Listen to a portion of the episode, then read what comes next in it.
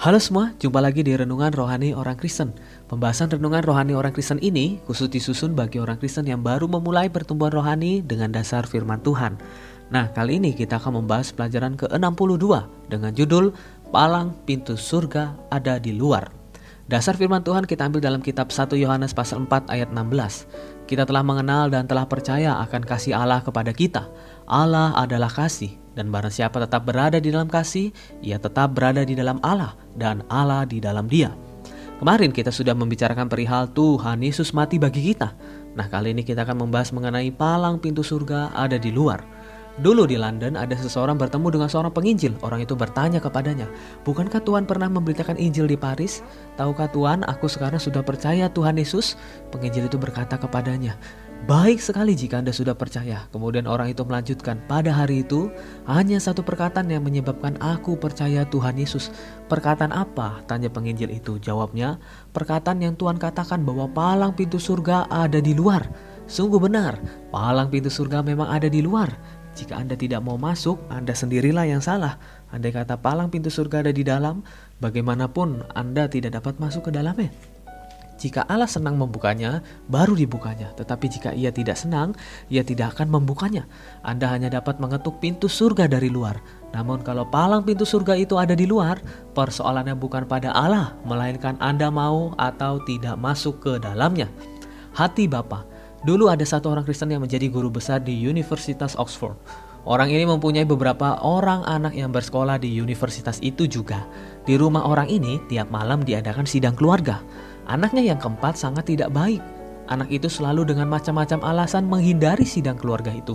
Jika waktu sidang sudah hampir tiba, ia selalu pergi keluar, dan setelah sidang selesai baru kembali.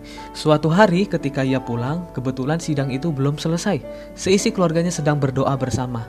Lalu ia berpikir, "Aku ingin tahu apa yang mereka doakan." Ia mendengar ibunya sedang berdoa untuknya, katanya, "Ya Allah, kasihanilah anakku yang keempat. Ia selalu berada di luar seperti anak hilang." Ia pun suka bermain-main dan menghamburkan uang saja. Ia tak takut kepadamu. Mendengar ini kesalah hatinya dan ia berkata dalam hatinya, Mengapa ibu selalu berdoa untuk aku saja, tidak berdoa untuk yang lain?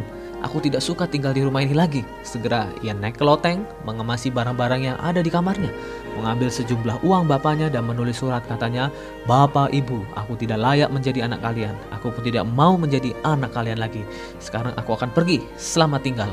Maka pergilah anak itu meninggalkan rumahnya. Pada mulanya ia tinggal di sebuah penginapan. Ketika uangnya tinggal sedikit, pergilah ia ke rumah kawannya. Tetapi kawan itu berkata kepadanya, "Kamu boleh tinggal di rumahku, tetapi jangan terlalu lama."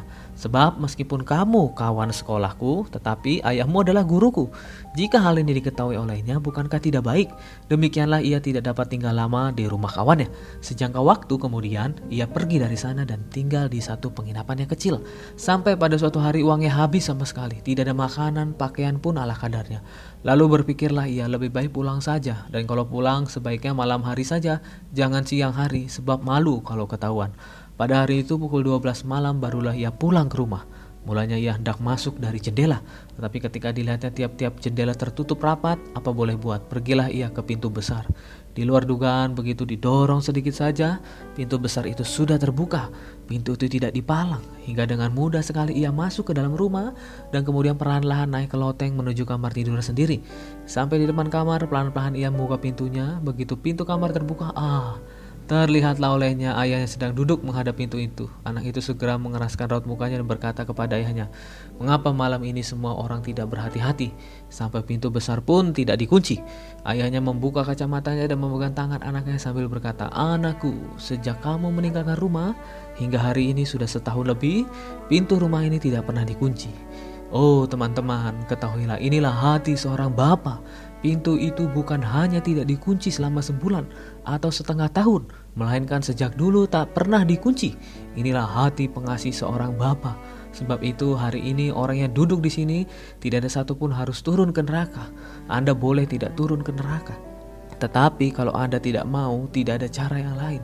Saya mengharapkan hari ini Anda bisa ingat Allah itu kasih. Demikian pembahasan renungan rohani orang Kristen hari ini.